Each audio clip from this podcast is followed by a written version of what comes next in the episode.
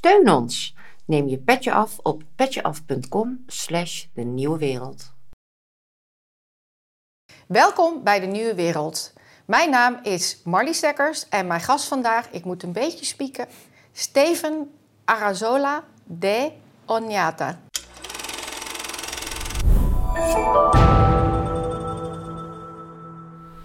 Onyate, maar dat is wel heel goed al uh, uitgesproken. Goeie, goeie poging. Welkom. Iemand van adel hier aan tafel. Uh, ik heb inderdaad een, een Spaans-adellijke naam, maar ik heb nooit... 500 jaar of zo? Uh, mijn familie is naar ja, België nog niet, want België bestond nog niet, naar deze contrij gekomen. In, zie ik het juist zeg, um, ja, eind, eind 15e eeuw. Ja. Eind 16e eeuw. Ja, je Die kan periode. het toch ook Ja. nog aan je gezicht zien als je een beetje fantaseert zo. Ja. nou, heel leuk. Eh, we gaan vandaag eh, twee boeken bespreken van je. Eh, in twee verschillende afleveringen. Ik denk dat dat wel, wel het is, want dat dan heeft het zijn tijd en kunnen we gewoon even een beetje de diepte ingaan. Ik heb jou ontmoet, zoals dat tegenwoordig gaat, op Twitter. Ik volgde je al een tijdje en ik dacht, Jezus, wat, wat een interessant verhaal. Jong was jij soldaat, marine, eh, of wat was jij? Ik ben Officier? 18 jaar uh, luchtmachtofficier geweest. Ja. Toen gestopt, eh, op een gegeven moment zelfs ook een eigen bedrijf begonnen, in beleggingen, daarna in de politiek. Dus een, interessante loop. En daar gaan deze boeken ook over. Klopt, ja. En we gaan nu eh, eigenlijk eh, het laatste stuk eh, een beetje. Die, boek heet Al is de leugen nog zo snel, de waarheid achterhaalt ze wel. En dit gaat over jouw, eigenlijk de coronatijd. En ehm, misschien hoe jij, zoals bijna wij allemaal, van naïeve burger... de schellen zeg maar, van de ogen vielen. En, en jij bent op social media je daarover gaan uiten. En wat wel mooi is, dat eh, voor eh, de nieuwe wereld bekende, bekende ehm, gezichten, dus Matthias de Smet, die zegt bijvoorbeeld: eh, Steven, hè? Mhm. Steven was een zeldzame politici die in de crisis de moed vond om zich tegen het coronaverhaal uit te spreken, midden in de publieke ruimte. Dat geeft aan zijn woorden en bij uitbreiding aan dit boek de nobele aantrekkelijkheid van wat de Grieken paresia noemden: het vrijmoedig spreken. Sam ook eh, bekend hier. Een niet exaltief werk waarin Steven vanuit zijn visie een waardevolle historische neerslag maakt over de coronapandemie. Voor volgende generaties zal dit bijdragen aan het verwerven van dieperliggende inzichten over maatschappijvorming. Het boek legt de waanzinnige taferelen vast die zich kunnen ontwikkelen als een ideologie zonder veel kritiek wordt opgevolgd door een slapende massa. Nou, en het voorwoord, die is ook geweest, ook bij mij, Lieven Annemans. Nou, ook natuurlijk een geweldige, eh, gewoon hoogleraar in gezondheids- en welzijnseconomie. En eh, aan de faculteit Geneeskunde en Gezondheidswetenschappen in Gent. Nou, zeg je, het, wordt eh, omringd door mooie geesten, nou, dat zal ik het zo zeggen, mooie zielen, die jouw werk toch heel erg hebben gewaardeerd. Ehm, maar misschien eens even jouw verhaal. Hoe is dat zo gekomen? Ja, ik denk dat je het heel goed zei. Het woord naïef is heel belangrijk. Ehm, want ik was heel naïef. Ik ook. Als ik daar nu op terugkijk, toch. En eigenlijk, het was nooit mijn intentie om een, om een boek te schrijven. En wat is er eigenlijk gebeurd in, in maart 2020? En er zijn veel mensen die zeggen van... eh, Ik zag het direct, eh, of ik was direct kritisch. Ik was helemaal niet, niet kritisch. Ik was heel naïef. Ik denk dat jullie hier in Nederland ook s'avonds uh, stonden te appla- applaudisseren voor de zorg. Dat is iets dat wij alleszins in, in, in Vlaanderen deden. En ik stond daar, daar toen de eerste weken ook bij. Het was zelfs zo dat ik... Ik ben net voor de eerste lockdown in maart 2020 ziek geworden. Iets zieker als een gewone griep. En ik was toen van, wow, als ik als jonge, vrij gezonde, sterke man ziek word van dit virus, dan is dat heel erg. En ik was de eerste weken zelf iemand die vond dat we allemaal een mondmasker moesten, moesten dragen. Maar toen werd er in Vlaanderen, maar ik denk dat dat hier niet anders is, gezegd van een mondmasker gaan we zeker niet dragen. Ehm, ja, dat was hier ook, bij, terughoudend. En toen hadden ze eigenlijk gelijk. Maar de weken nadien begon ik me af te vragen van... Als ik... Allee, ik werd ziek. Allee, niet, niet doodziek hoor, maar ik was wel... corona? Ik had wel... Ja, dat is nooit... Toen waren er nog geen PCR-tests. Oh, dus, maar ik heb wel het, het etiket corona op mijn eh, hoofd gekregen. En de weken nadien dacht ik van... Eh, waarom zijn mijn twee zoontjes bijvoorbeeld, die bij mij wonen, niet ziek geworden? Want toen heel veel mensen vergeten dat, maar als je toen de stempel corona op je hoofd had, was je bijna dood. Ja. Iemand die kanker had, dat was niet meer erg, want corona was het ergste wat je kon overkomen. En ik dacht dan van, allee, ehm, ik, ik heb die ziekte gehad. Drie weken later was ik perfect terug in orde, of twee weken later. Maar mijn zoontjes hadden niet eens een snotneus. Ik weet niet of dat correct Nederlands is of dat jullie dat hier zeggen, maar die waren niet ziek. En ik ben dan beginnen lezen. Ik heb geen wetenschappelijke achtergrond, je hebt het heel goed gezegd. Ik kom uit Defensie, ik heb nadien een aantal jaar in de politiek gezeten. Maar ik was wel geïnteresseerd in wat er gebeurde, wat dat virus juist deed. En ik ben toen, als niet-wetenschapper, in die in ja, medische studies gedoken. En uh, ja, tegen april, mei had ik begrepen uh, dat corona, volgens mij bestaat dat virus wel, uh, was dat ook wel niet aangenaam. Ehm, maar was de reactie overdreven. Maar goed, tegen mei, juni waren de ziekenhuizen in Vlaanderen, België zo goed als leeg. En dacht ik, zoals bijna iedereen, goed, het is hier bijna gedaan. Uh, we gaan terug normaal kunnen, kunnen leven. Ik was dan wel verbaasd een paar weken later, toen de ziekenhuizen letterlijk leeg waren, dat wij opeens in Vlaanderen, en denk nog iets voor jullie, allemaal een mondmasker moesten gaan dragen in de zomer, zelfs buiten als wij wandelden in een park. En toen ben ik mij beginnen uit te spreken. Ik was toen actief bij Open VLD. Dat is een liberale, ja, liberale partij in, in, in Vlaanderen, eh, vergelijkbaar met de VVD. Die partij levert ook de, de premier in ons land. Ik was daar lid van. Ik had ook meegaan aan de nationale verkiezing 2019. En ik had eigenlijk ja, ik had toen twee Facebookpagina's. Mijn eigen persoonlijke pagina, waar ik voor mijn vrienden eh, zaken deelde. En alles wat politiek was, deelde ik op mijn politieke pagina. Maar ik was toen redelijk kwaad over hetgeen dat ik zag gebeuren. En ik, als ik kwaad ben, uh, gaat mensen agressief worden. Ik schrijf dan en ik schreef mijn frustraties eigenlijk op mijn persoonlijke Facebookpagina, want eigenlijk moest niemand dat weten buiten mijn dichte kring, vond ik. Deed toen dagelijks, want ik was toen heel kwaad. En zeker hè, september begon, die tweede, die tweede golf kwam op. En ik was verbijsterd om te zien dat die angst opnieuw gecreëerd werd. Ehm, of mensen opnieuw bang werden. En ik heb dan ja, uh, mijn boosheid weggeschreven op een dagelijkse basis, bijna dagelijks. Maar nooit met de intentie om mensen te bereiken, want ik deed op mijn privé Facebookpagina. Maar dan, na een tijd, heb ik beseft dat ik iets te veel aan mij bezig was. En om mezelf rust te gunnen, zei ik van, ik ga dat niet meer elke dag doen. Ik ga elke zondag een samenvatting maken van wat er in de week, de laatste week is gebeurd. En ik ga proberen te voorspellen wat er uh, de week nadien uh, of de weken nadien gaat uh, gebeuren. En daar ben ik mee begonnen. En ehm, ik heb dat volgehouden tot maart 2022, dus iets meer dan anderhalf jaar. Daarom dat Sam Broken ook zei van het is een goede samenvatting van... Want hoe je ook kijkt naar die coronacrisis, iedereen heeft die anders beleefd. er zijn niet veel mensen, denk ik, die het week per week hebben samengevat. En dat heb ik wel in het boek uh, geprobeerd, denk ik. Nee, als jij bijvoorbeeld al zegt uh, in die zomermondkapjes... je merkt dat dat, ja, dat verdwijnt toch... ondanks dat je die ingreep zo heftig vond. Ik vond hem toen ook heel heftig, maar ik weet echt niet meer... Toen mondkapjes, toen dit. Het was iedere week een nieuwe regelgeving die je moest volgen. Dus het is inderdaad wel goed om ja, wat wat hebben we nou eigenlijk allemaal gedaan en hoe komt dat over op een gewone burger, maar goed, die dus ook politici is. Dus die wel mee kan sturen, zou je zeggen. Ja.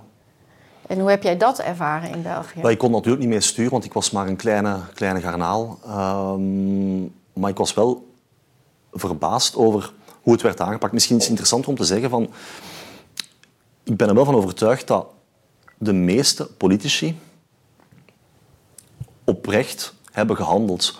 Omdat die ook gewoon bang waren. En die lieten zich adviseren door experten.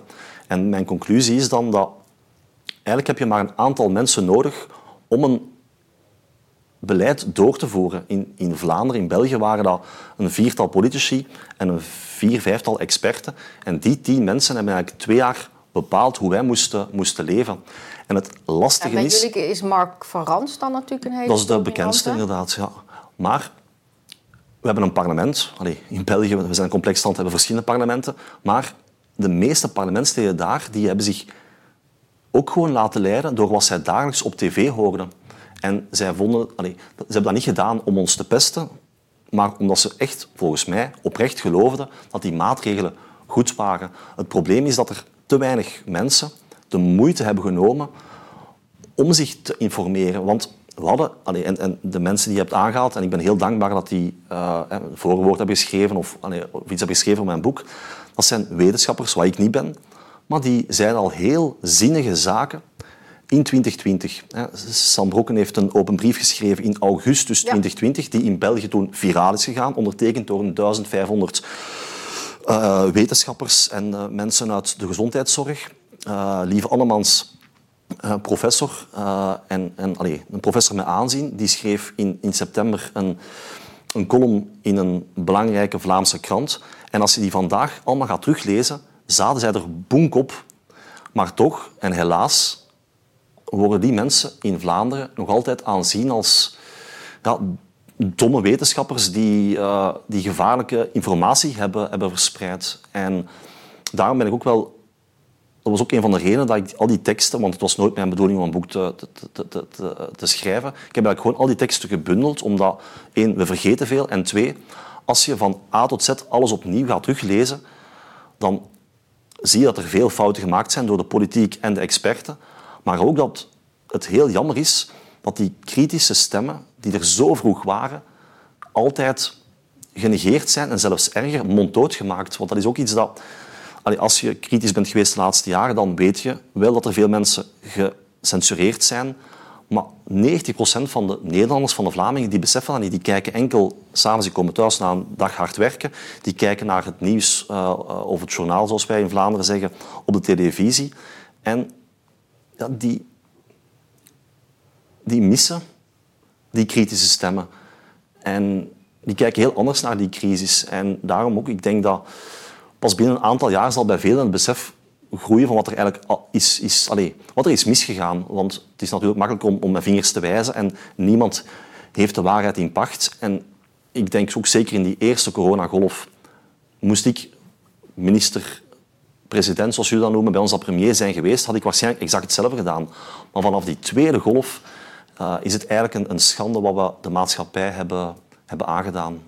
Ja, de, de, de, de kijkers van de nieuwe wereld, eh, dat is natuurlijk leuk bij YouTube, die kunnen ook hun commentaren eronder zetten. Ja.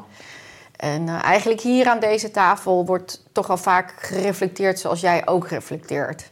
Uh, Jelle en Alt zijn daar ook grote voorstanders van. Weet je, gewoon niet toch wel het goede van de mens daarin zoeken. Zo van, het was niet met kwade opzet. Ik merk wel dat de mensen die het toen, zeg maar, toch ook bewust hebben meegemaakt... wat zijn we nu aan het doen... die zijn volgens mij wel daar steeds verbolger over. Die, die kunnen dat niet meer goed aanhoren. Uh, daar, daar is een intolerantie aan het groeien. Zo van, ja, ze hebben het niet gewoest. Uh, dat is toch een beetje een vak. En, en, dat is natuurlijk wat Matthias dan natuurlijk ook heel goed adresseert. Dat we daar in die massavorming zijn gekomen. Maar er begint toch ook iets taais in te, in te komen. Ja, en dat, dat mogen we eigenlijk niet... We, we zijn en blijven mensen. En er is een, ik denk dat we een onderscheid moeten maken tussen... Iedereen kakt of is heel kritisch voor de politiek en dat is ergens terecht. Maar de meesten die daar zitten, doen dat volgens mij met goede en de juiste intenties. Maar, dat moet ook gezegd worden, er zijn er een aantal die duidelijk wel, hoe moet ik het zeggen, um, beseften dat ze geen juiste zaken deden. En daarom vind ik het belangrijk, en in Nederland hebben we diezelfde beweging, er zijn een heel aantal kritische mensen die terecht vragen om een gedegen evaluatie te maken wat er allemaal is misgegaan, zodat dat in de toekomst niet meer kan gebeuren. Bij maar ons is dat tot stopgezet. Hoe is dat in België? we zijn er zelfs nooit aan begonnen. Oké. Ehm, ja. Ja. Het kan nog erger. Ja, nee, Ja, ik moet- lach, moet- maar moet- het is nuanceren. echt- We hebben aan de OESO gevraagd om een evaluatie te maken. Maar, maar goed, ehm, Maar wij hebben een parlementaire enquête. Dus eh, hoe is dat bij jullie? Dus die dan... dat is geen parlementaire... Dat is, Bij ons is dat stopgezet. Ja, dat, is, dat zegt ook al veel. Hè. Ehm, ja. en, en dat is jammer, maar we mogen ook... Allee, ik, ik, behoor, ik behoor ook tot de kritische groep. Ik denk dat we steeds, en dat zegt Matthias ook, hè, zo genuanceerd mogelijk moeten spreken. En als we zelf allee, te veel in die haat gaan en de polarisatie, Ja, dan- we, gaat onze kritische groep ook niet groter worden. En we moeten begrijpen dat, dat ja, veel mensen hebben niet de tijd genomen om zich in te lezen. En als je dan die mensen gaat aanvallen, gaan die mensen ook nooit de moeite nemen om een keer te kijken eh, van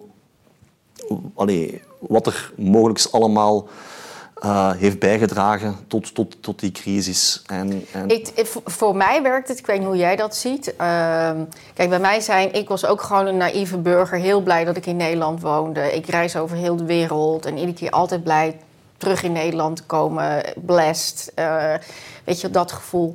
En ehm, ja, en dus inderdaad met zulke verbazende ogen, wat zijn we hier nu aan het doen? Eh, maar ja, nu denk ik, terugkijkend, zie ik de geschiedenis in zich heel anders. ja.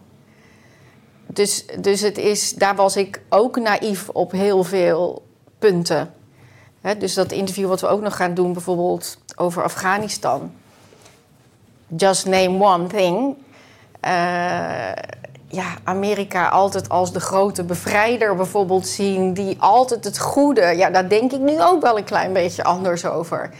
Eh, dus ik denk meer, ja, het is een fase de een ziet het, nou ja, die zag dat al twintig jaar geleden, zeg maar. En toen geloofde ik ook alles. Het is alleen wel een. een ehm, ja, ja, hoe moeten we ons daartoe verhouden? Dat, dat is denk ik het ingewikkelde. Want je kan. Kijk, ik raad iedereen je boeken aan, maar je wordt er niet vrolijk van. Het is, het is best heel taai, zeg maar, om weer door heel die periode te moeten gaan. Ik denk dat het probleem is, wat we nu de laatste twee, drie jaar hebben gezien, is helaas van alle tijden. Ja, Ten dat is het een beetje, denk ik. Maar het was nu de, waarschijnlijk een van de eerste keren dat het echt op wereldschaal was. En iedereen was mee. En, en, en daarom... Allee, het is niet leuk om daar terug over te beginnen, maar ik vind het wel heel belangrijk dat we daar toch naar, naar kijken.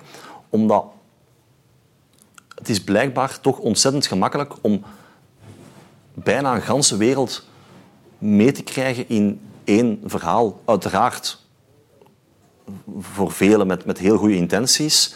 Maar ehm, het is niet nieuw, want we hebben de laatste duizend jaren al... het probleem is nu gewoon, denk ik, dat door die sociale media en de censuur daar en de mainstream media... Vroeger, of tot niet zo heel lang geleden, werkte elke krant op zichzelf. En als je een krant las, dan las je daar stukken in die enkel in die krant komen. Vandaag, als je een krant koopt in Nederland, Vlaanderen en eh, Duitsland en Frankrijk, die artikels brengen bijna woord voor woord hetzelfde. En dat is enorm eh, gevaarlijk. Daarom is wat jullie hier brengen voor mij zo belangrijk. Er is binnen de journalistiek... eh, Journalistiek is traditioneel, of zou de vierde macht moeten zijn. En we hebben de laatste jaren gezien dat dat veel te weinig is. En ik was ook naïef, want ik, ik dacht altijd dat die vierde macht haar werk goed. En gelukkig zijn nog heel veel journalisten die hun werk ook heel goed doen. Maar de la, dat is ook niet nieuw en het is, het is vroeger vaak gebeurd. En mijn hè, ogen... ik begin ook af te vragen van... van ik ga ook verder in de geschiedenis kijken wat er allemaal is gebeurd. En, en als je daar kritisch naar begint te kijken, dan, dan merk je dat dat proces al eerder is gebeurd, maar nooit op, op die schaal. Langs de andere kant, ik ben iemand die altijd graag positief probeert te kijken. Eh, dat heb ik trouwens ook gedaan elke week in, in, mijn, in mijn teksten. Want heel veel, ik hoor het toch in Vlaanderen, heel veel mensen lazen mijn teksten omdat heel veel mensen waren zo bang voor wat de toekomst zou brengen. Er waren mensen die, die dachten dat die bij ons noemden dat CST. Jullie, bij jullie was dat een, een CBT of zo, dat, dat, die QR-code. eh, hoe noemden jullie dat? Eh, de, de QR-code voor dat je ergens Ja. in een café binnen Ja. mocht. Ja, ik weet de afkorting die jullie gebruiken in, in Vlaanderen, CST. Ehm, er waren mensen die dachten, we gaan Ik hier... heb dat ook al geblokt, ik weet het Ja. even niet meer. Maar in Vlaanderen waren er, waren er heel veel mensen hè, die niet gevaccineerd waren, die dachten, hier raken we nooit vanaf. Ja, ja, en elke week schreef ik van, kijk, het is niet fijn, maar eh, dit gaat nooit blijven duren. En Maar dat toch heel even die taal. Hè? Dus ook even dus inderdaad van hoe je het noemt. De coronapas of... eh, weet je, het- ook zo inventief met, met, met taal. inventief en ook niet inventief, want het was overal hetzelfde. Ja, ja, maar het allemaal net anders. Maar ik bedoel dus hoe, hoe zo'n fuik zeg maar werkte door middel van taal. Was dus ook wat dan bijvoorbeeld bij jouw kinderen gebeurt. Eh, weet je, jij was wel ziek en je kinderen niet. Ja, dan... Ja, wat hadden ze daar dan weer voor bedacht? Weet je, wel? dan was je... ehm, Ja, want het is toch, nee, je hebt uiteraard gelijk, maar die trust the science hoorden we overal. Ja, ja. Nee, we hoorden overal hetzelfde. ja. Maar ik bedoel, voor alles werd dan ook iets bedacht om het Ja. te verklaren. Hè? Dus juist niet van... Misschien snappen we wel heel veel niet. Eh, de natuur ja, is ook een beetje magie. Eh, In, in Nederland gebruikt het dan ook de, de, de soort oorlogstaal van... eh, we gaan het virus met de hamer doodslaan. En, eh, weet je, dus het, het, was, het is allemaal heel talig, zeg maar. Dus van om, en dat was dan inderdaad wel in alle landen ongeveer hetzelfde... met net een eigen flavor. Ja, ze hebben psychologen gebruikt om, om de juiste Ja. woorden te, te Maar zoeken. dat maakte natuurlijk toch ook... Ik weet niet wat jouw woede voedde... maar dat gaf natuurlijk toch ook in die tijd van...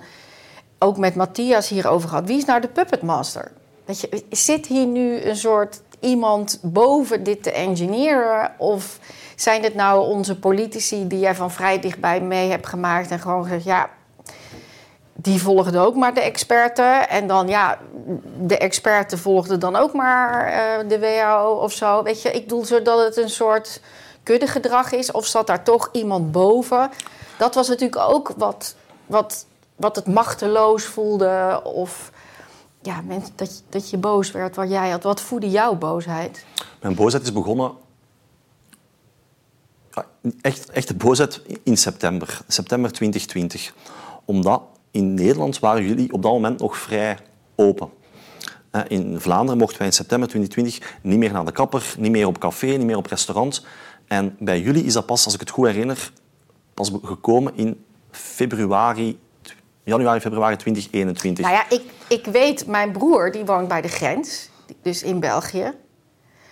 En mijn vader net over de grens. En dat de Belgen gingen toen containers neerzetten. De bevolking zelf. Ja. Door die angst natuurlijk. Door die angst, zodat Ja, wij angst. zeg maar niet, wij Nederlanders, met al, eh, wij waren veel te vrij. Dat was nog even ook een fase. Ja, klopt. Zo van, ja, dan komen die vrije corona eh, eh, verspreiders zo direct ja. bij ons. Ja. Dat hebben we ook nog meegemaakt. Maar mijn boosheid was eerst van, ik zag, ik probeerde altijd te analyseren, want ik, ik, ik schreef erover van, hoe kan dat dat in België alles toe is en in Nederland mag alles en een jaar later is het geswitcht. Toen was het in, in Nederland veel strenger als in Vlaanderen. Ik, ik herinner mij kerstmis, anderhalf jaar later. België was alles open, in Nederland was alles toe en jullie kwamen massaal naar Antwerpen Ja. eh, inkopen doen, eh, eten. Ja. En, maar, want je vraagt hoe dat zoeken, straks, wie, wie zit erachter? Is er een groot plan? Wa- wa- alles, allee, ik vind het altijd heel gevaarlijk om, om uitspraak te doen zonder dat je bewijzen hebt. Maar wat, je, wat we zeker weten is dat de farma-industrie een hele vuile rol heeft gespeeld. Puur om heel veel geld te ver- verdienen. Daar kan je eigenlijk niet buiten. Daar ben ik ook wel blij. We hebben nu recent die, die Netflix-serie uh, Painkiller. Painkiller. Eh, daar zie je exact hetzelfde mechanisme wat er met de coronavaccins is gebeurd, maar dan op wereldschaal. Ehm, en dat is... Ja, PR-marketing. Het, het, En, en het dat is heel wat, handig. Wat, wat, er- eh, is gebeurd. En ehm, vermoedelijk zijn er nog wel andere zaken die spelen, maar daar zijn we zeker van. En ik probeer... maar dat wisten we toen denk ik toch nog niet. Jij ook niet. Dus wat voedde toen je woede? M- Mijn eerste woede was gewoon puur dat ik jaloers was. Jaloers is slecht uitgedrukt. Op- ik op vond het, ja, ja, exact. Op, maar dat was niet alleen. Het was Nederland, Duitsland, Frankrijk en, en Engeland. Bel- België was toen een eiland als eerste in Europa waar alles toe was. En was het de woede gevoed van waar wordt mijn vrijheid afgepakt? Eerder, ik heb een, ja, een groot, en dat zal misschien straks terugkomen na, na, bij het tweede boek, ik heb een groot probleem met onrechtvaardigheid. En ik vond het dramatisch. Ik, heb, ik, heb, ik had voor de coronacrisis had ik heel veel vrienden. Uh, nu nog gelukkig nog altijd er zijn nog overgebleven, maar ik ben wel veel vrienden verloren. Gelijk heel veel mensen natuurlijk. En ik vond het dramatisch voor mensen in de horeca en kappers, kappers, kapsters die niet mochten werken. De ondernemers. Uh, ondernemers. En oké, okay, voor bepaalde ondernemers was dat geen probleem, want die kregen elke maand een, een mooie, uh, mooie steun van de overheid. Maar je had ook ondernemers in de horecasector die elke maand met 10.000, 15.000 euro afbetalingen zaten, die van de overheid 2000 euro per, maand kregen. En die, er zijn ontzettend veel zelfmoorden gebeurd in, in die tijd. Mensen die het niet meer zagen zitten. En ik werd daar kwaad van. Ik vond dat ook dat ik mij moest uitspreken, want ik zat net in die liberale partij. Die liberale partij die zou moeten opkomen voor ondernemers. En de eerste maand van de coronacrisis, hè, daar wist niemand wat er, wat er gebeurde. Maar ik vond het zo dramatisch in september om te zien van oh nee, het gaat opnieuw beginnen. En al die hardwerkende ondernemers gaan opnieuw niet mogen werken. Ten eerste. Ten tweede, dat mentaal welzijn. Ik had, mijn kindjes waren toen, ik heb twee zoontjes, waren toen gelukkig nog jong genoeg. Die zaten toen nog in de kleuterklas. Maar die moesten naar het, de ging toen naar het eerste leerjaar. Kinderen moeten naar school gaan. En er werd toen ook weer al gepusht vanuit bepaalde hoeken van laat onze kinderen thuis, want kinderen uh, zijn de motor van, van het virus, werd toen gezegd. En ik, ik werd zo kwaad door het idee dat die kinderen opnieuw maandenlang thuis moesten blijven. Dat onze samenleving terug maandenlang op slot moest. En dat heeft mij toe bewogen om elke week te, te, te blijven schrijven. Nadien is die woede wat weggeëpt en zag ik het meer bijna als een... In het begin, ik had dat straks uitgelegd, ik, ik postte op mijn eigen persoonlijke Facebookpagina. Ik ben het dan blijven doen. Um, maar in het begin las niemand dat, maar dat is dan meer en meer begonnen mensen dat te, lezen. Ik had het dan ook openbaar gezet. En na verloop van tijd werd dat een soort van, werden mijn wekelijkse teksten een soort van toevluchtsoord van kritische mensen die in hun omgeving niemand meer hadden, of niemand hadden die zo dacht als, als zij. En uh, ik ben ook beginnen beseffen, en daarom heb ik soms ook wel iets hoopvoller geschreven dan ik eigenlijk zelf was. Ik was zelf ook soms heel triest. En ik ben ook heel vaak bang geweest van wat gebeurt hier allemaal. Maar ik heb dan gevoeld van ik ga hier toch hoopvol genoeg moeten blijven, want anders gaan al die mensen nog depressiever worden. Want we onderschatten nog altijd hoeveel mensen zich van het leven hebben beroofd tijdens die uh, coronaperiode. Ja, en ook in de naslepen. Ja. Het is, uh, ja, ik heb het zelf ook in mijn omgeving uh, ja meegemaakt. En het is gewoon heel zwaar. En ook ondernemers nu in Nederland, die moeten nu de terug gaan betalen. Ja, dat, dat levert een golf van faillissementen op. Uh, ondernemers hebben hun pensioen, zeg maar, het spaargeld toen opgebruikt. Nou, dat zijn de ondernemers. Maar het was natuurlijk voor iedereen gewoon een hele zware tijd. En, en je ziet dus nu hoe, tot nu toe in ieder geval, hoe mild er gereageerd wordt. Dus je hebt toch een soort behoefte aan inderdaad een evaluatie of een parlementaire enquête. Uh, van nou, wat kunnen we hier nou van leren, zodat we in ieder geval niet weer hierin stappen. Uh, ja, en ondertussen is dan die wet erdoor dat er eigenlijk nog maar via met één stem gesproken mag worden. Ja, het is de vraag ook of zo'n zender als van ons dan nog kan Um, ik, ik hou zelf heel erg van podcast, ook uh, over gezondheid. Ja, die volgen ook niet de regels van de WHO of die, die kijken juist op een andere manier. Ja, die, die zijn nu ook allemaal aan, aan ja, van waarschijnlijk worden we dus eraf gehaald. Want wij kijken op een andere manier naar het lichaam. Hè? Bijvoorbeeld veel holistischer dan in plaats van allemaal onderdelen veel proactiever in plaats van reactief, zoals er zeg maar toch ja, wordt gekeken van als je iets hebt, dan een pilletje erin. Maar wat kan je doen om te voorkomen?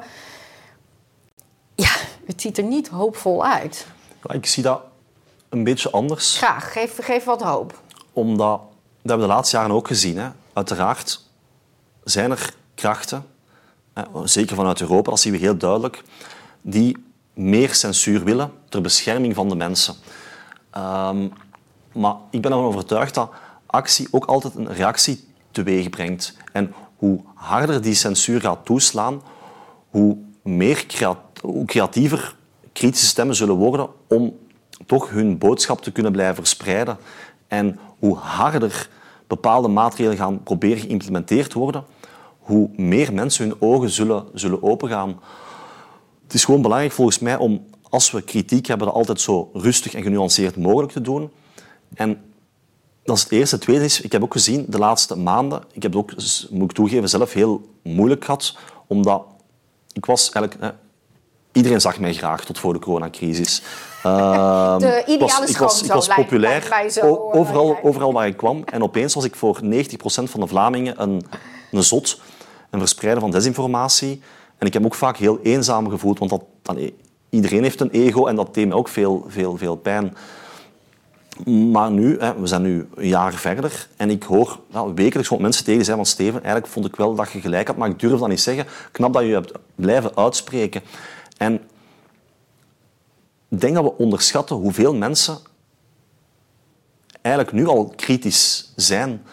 Maar, heel weinig mensen hebben de moed of, of, of, de goesting, de zin in, in het Nederlands, om, om zich uit te spreken. Het goede is, ik herinner mij nog het begin van die coronaperiode. Ik ben een van de eerste in Vlaanderen die gestart is met betogingen. Ik herinner mij, wij stonden daar met 15, 15 personen.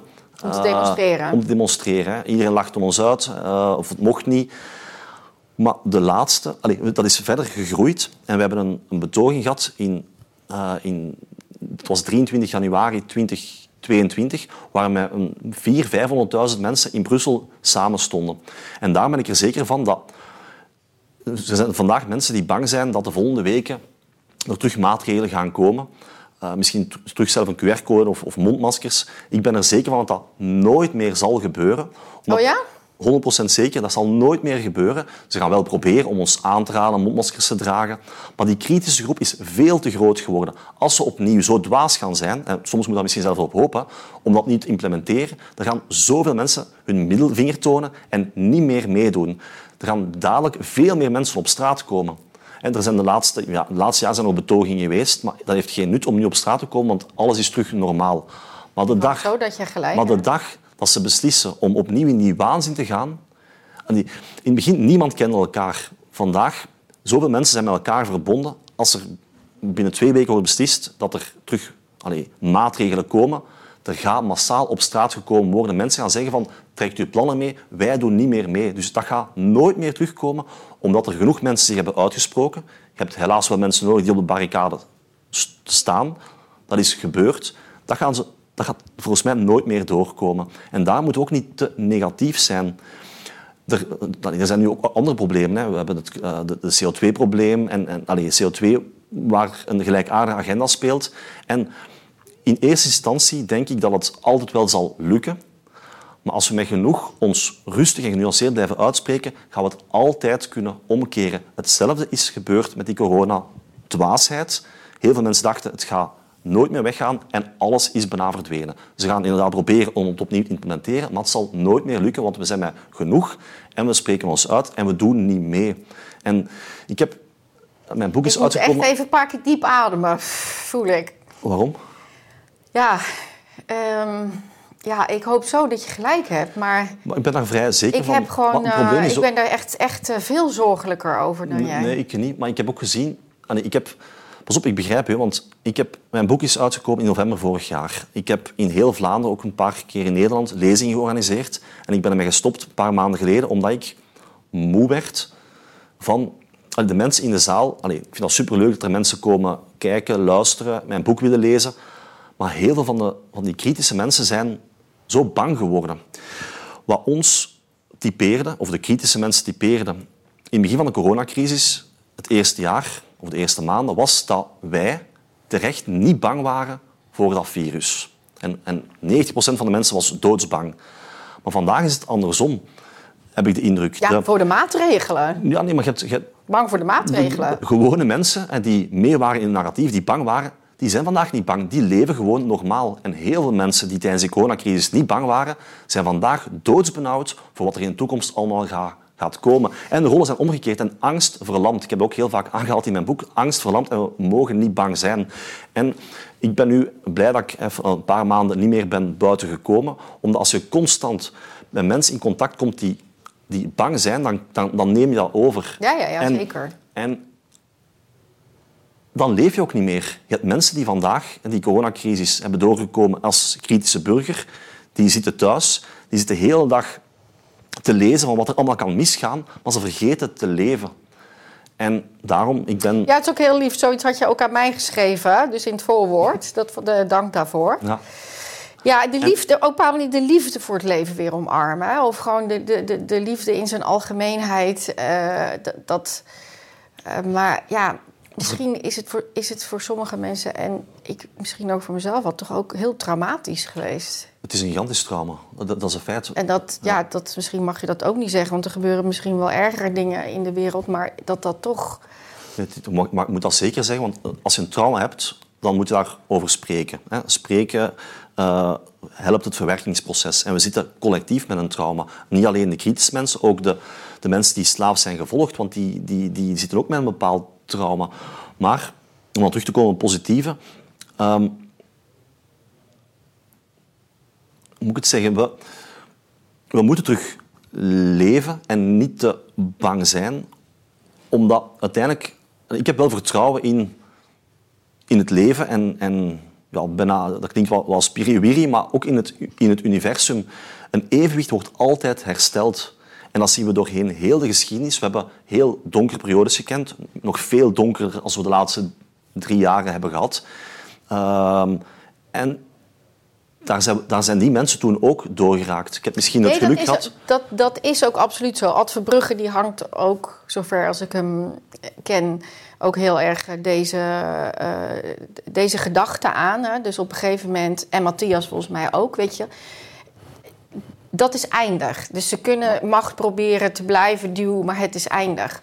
Het, het is alleen de vraag, was dit het voorspel? Of was dit het hoofdgerecht? Dus krijgen we nog een dessert of krijgen we nog het hoofdgerecht? Of weet je, dus dat is meer van oké, en dan moeten we er met z'n allen doorheen. En in de, het verleden is dat ook gebeurd. En eh, er zijn meerdere periodes, eigenlijk misschien wel meer dan niet geweest, dat, dat mensen macht naar zich toe willen trekken. Dat is des mens. En eh, ja, dat moeten we dan misschien ook accepteren. En dan moeten we daar ook iedere keer ons toe verhouden.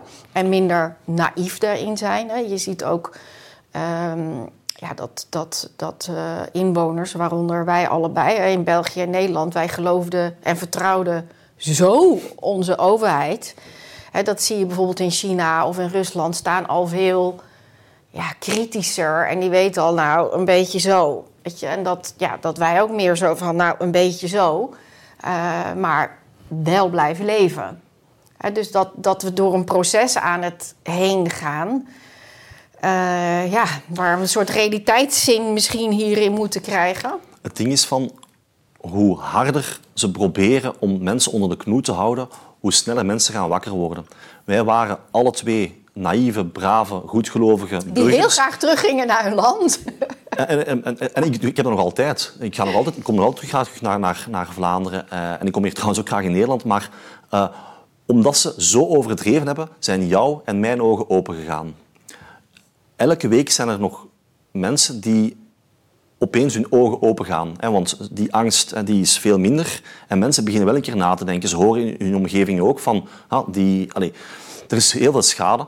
Ehm, ehm, en me- meer en meer mensen, hun ogen gaan open. En als want je spreekt van, dat is misschien hè, het voorgerecht, misschien komt er nog een hoofdgerecht of een, of een, of een dessert. Opnieuw, als ze dat doen, dan gaan er nog meer mensen hun ogen open gaan. En we zijn met veel meer. Want Vlaanderen, ik heb het straks aangehaald, België, 8 à 10 mensen waren voldoende om een heel land mee te krijgen. En, en dat is een, een, probleem, maar dat zijn ook maar een paar mensen. En de grote massa is met veel meer. Dus ja, ik kijk eigenlijk... allee, ik ben niet bang voor de volgende ontwikkelingen, omdat als ze terug gaan overdrijven, zullen er veel meer mensen snappen eh, dat de overheid toch niet te vertrouwen is. Eh, soms wel, hè, want we mogen ook niet te zwart-wit zijn. Eh, wij kwamen alle twee graag naar Nederland en België terug, omdat we hier ook een, we hebben een goede gezondheidszorg. Ik we hebben, het echt een we hebben, we hebben hier hè, straten die proper zijn. eh, we hebben hier alles. Allee, ik heb het geluk gehad, denk ik. Ik ben in verschillende landen geweest waar oorlog was. eh, maandenlang in, in, in oorlogsgebied overleven. Dat doet u wel beseffen hoe gelukkig je bent dat we hier in, in West-Europa leven. En hier gaat heel veel mis.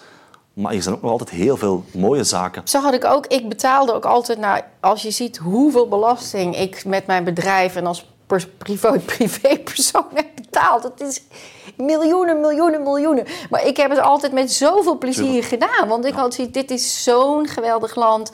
En eh, ook onze overheid heeft zo het beste met ons voor. Ehm, ja, dus ik vind het ook ja, ik bedoel, dit is jouw, hè, jouw proces hierin. En ik herken gewoon veel daarin van het afdoen van je naïviteit. En, en ja, bepaalde manier ook misschien volwassen worden.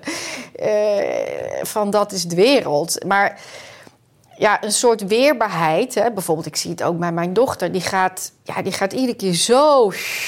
Weet je, als die overheid zo drukt. En ja, veel mensen die worden zo somber, of wat jij ook zegt, van hè, zelf, zelfmoordneiging of zelfmoord.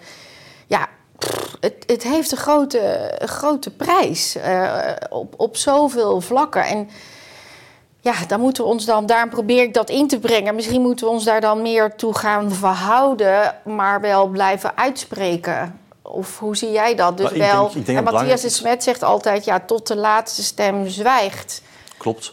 En ja, ik vind dat schitterend hoe Matthias het zegt. En dat klopt ook. We moeten, en ik probeer dat ook af en toe te doen, niet meer in hetzelfde tempo als ik dat eerder heb gedaan. Maar we moeten rustig blijven spreken, niet vergeten te leven. Maar dan vooral, het punt dat ik wil maken was van... We, we mogen gewoon niet, niet, niet, te bang zijn. En ook, allee, je zei de overheid... De overheid is niet, is, niet, is niet goed voor ons, maar eigenlijk is dat ook te zwart-wit. Want de meeste mensen die voor de overheid werken, doen dat wel met de beste intenties. We hebben gewoon de laatste jaren beseft van... Oei, er zijn bepaalde mensen binnen de overheid die minder, minder juiste intenties hebben. Uh, maar daarvoor moeten we volgens mij nog niet alles weggooien. Nee, dank, Want, dank eens even voor die nuancering. Want ik zat zelfs met hun in de klas. Voilà. En ik was, en ik, iedere keer ging ik daar best wel met hoge adrenaline heen. En dan, was, en dan dacht ik, ja, het zijn, dit zijn echt hele integere mensen die echt het beste voor hebben voor het land. En daar heel veel uren, ook vrije tijd in. Heel verwarrend. En de meeste mensen verwarrend. echt goed. Er zijn gewoon een paar rotte appels, maar ook dat is van alle tijden. Je hebt altijd mensen gehad in de geschiedenis die de macht naar zich toe willen trekken. En wat, we, wat nu een relatief nieuw is, nieuw spreek van de laatste decennia, is dat dat helaas gebeurt op een globale schaal. Vroeger had je in elk land had je een aantal families hè, die de macht hadden. Uh, maar nu zien we dat we dit proces meemaken op een globale schaal. En dat maakt het natuurlijk wel schrikwekkend als je daar induikt. Maar ik, ik, ik, krijg elke dag nog altijd vandaag mails van mensen. Steven, heb je dat gezien? Heb je dat gezien? En die mensen zijn, dat zijn heel lieve mensen, een warm hart, maar die zijn te bang geworden. Ja, dat is wat Matthias ook. Toen was ik daar zelf ook nog. Nou, vond ik dat heel moeilijk toen hij dat inbracht. Maar ik begrijp nu, nu begrijp ik hem heel goed. Hij heeft, hij heeft zoiets. En die andere kant is dus ook bang. Tuurlijk. Hè, dus het is zeg maar, je bent. Je kan bang zijn van het virus. Maar je kan ook zo doorslaan. Dan word je ook bang van. Dan zie je allerlei. Overal zie je dat er van alles is. En dat is wat er nu gebeurd is met de kritische... Met heel, en dat is geen klein, klein gedeelte. Hè. Dat is een, spes- een vrij groot percentage van de kritische mensen die terecht niet bang waren voor corona, die leven vandaag niet meer uit angst. En uh, ik, probeer, als ik mensen tegenkom, dan hoop te brengen. Niet omdat ik uh, valse hoop wil bieden, maar ik geloof ook oprecht dat het allemaal gaat goed komen. En soms gaan er ook mindere periodes komen. Dat is in de geschiedenis altijd gebeurd. Maar de mensheid, en zeker wij in West-Europa, onze vrijheid vinden wij zo belangrijk dat we er altijd voor gaan opkomen. In China lukt dat blijkbaar wel, want daar leven ze vandaag al in een, ja, je kunt dat eigenlijk bijna zeggen, een totalitair systeem op het gebied van social credit scoren, et cetera. Maar daar lukt dat en blijkbaar vinden die dat nog relatief oké. Maar hier in België, Nederland gaat dat nooit gebeuren. Het kan zijn dat op een bepaald moment politici gaan komen onder invloed van bepaalde krachten die nog meer controle willen. Dat zal misschien ook in eerste instantie soms lukken, maar wij zijn creatief genoeg om oplossingen te vinden. Stel dat er overal camera's hangen, nu ga ik een heel stoute uitspraak misschien doen, en ik, ik, ik, ik zeg allez, voorwaardelijk, hè, stel dat er overal camera's komen, dat is vandaag niet het geval, maar stel dat er overal camera's komen, Nederland, België, eigenlijk, en ik, ik ga hier niet zeggen dat we uh, criminele activiteiten moeten doen, maar stel dat het overal zo is, het duurt wel geteld één nacht om in een gans land alle camera's te vernielen. Ja, Opnieuw, Italië, ik, doe, ik doe nu geen oproep om, nee, nee, om camera's nee, te vernielen. In hè, maar- Italië gebeurt dat eh, nu eh, eh, blijkbaar. eh, maar wat natuurlijk. Ik bedoel. Eh, Nogmaals dank voor, voor, voor, voor de hoop. Maar ik denk wat mensen dat natuurlijk toch weer angstig maakt van. Ja, maar dat gaan we niet doen. We gaan, we gaan, we gaan niet met elkaar dan zeggen dat eh, collectief stout zijn. Ik denk dat wel. We gaan Gelukkig, en vandaag, vandaag is het, moeten we dat gelukkig niet doen. Want er hangt af en toe een camera en dat is niet aangenaam, want hè, er zijn eh flitsboetes, et cetera. Maar we leven niet, in mijn ogen, in een totalitaire samenleving. We, zijn daar, we waren daar naar aan toe aan het geleiden tijdens die coronaperiode. Maar de meeste maatregelen, of alle maatregelen, zijn weg. Eh, opnieuw, er zijn wel mensen die het heel aangenaam vinden om ons meer onder de knoe te krijgen. Die gaan dat blijven proberen. Maar elke keer als ze te ver zullen gaan, zullen zij ook een tegenreactie krijgen. En wat ik daarnet zei van, van die camera's, uiteraard, ik roep niet op om camera's stuk te maken, maar stel er ooit een dag komt binnen drie, vier, vijf jaar dat er in elke, in elke straat camera's zijn, Ehm, en sociale media wordt volledig onder de knoet gehouden, waardoor niemand meer met elkaar kan communiceren, dan zal er altijd verzet komen. Er zijn genoeg oorlogen geweest in, in, het verleden, ook hier in onze contraien. Hè. Eh, er is altijd verzet geweest. Dat verzet zal onder de grond gaan. En als het nodig is, allee, actie, reactie zal er altijd zijn. Eh, Is heb jij het gevoel dat je zeg maar, wat, wat je in het begin van je carrière, ehm, dat je uitgezonden bent in gebieden, je hebt, je hebt in gevaarlijke situaties gezeten, je leven heb je min of meer op het spel gezet, dan moet je ook heel anders met angst omgaan. Is dat nog iets wat, wat hier meespeelde of niet? Of iets van door de angst heen? Of, hè, dus in jouw andere boek, wat, van het moment dat het alarm ging... dan moest je twee minuten gaan liggen... omdat anders de scherven in vitale delen konden... Ik denk dat dat vermoedelijk wel meespeelt, want ik was toen uiteraard ook bang. eh, zeker in het begin, als er een raket in de buurt valt. Eh, ik was toen bijvoorbeeld verbaasd. Ja, ik, ik vloog op de grond als een, als een bange kwezel, zeg maar. En dan zag ik daar Afghaanse militairen die gewoon doorliepen. die gewoon doorliepen. En, en, eh, omdat die ook een andere mentaliteit hebben, enerzijds. Anderzijds ook, na verloop van tijd... Twee, drie maanden later was ik ook niet meer bang. Dan dacht ik ook van, oké, ja, een raket... eh, als, op, als, op, als op uw hoofd valt, ja, dan, dan, dan is het zo. Eh, maar vermoedelijk zal dat... Allee, elke gebeurtenis in ieders leven heeft een impact. Eh, en uiteraard heb ik ook ehm, een bepaalde impact van, van wat ik heb gezien in, in, in het buitenland en meegemaakt. Maar ik zie dat denk ik vooral positief, omdat ik ook de laatste jaren, het was hier helemaal niet aangenaam en bepaalde mensen, voor bepaalde mensen was het zo erg dat ze zich van het leven hebben beroofd.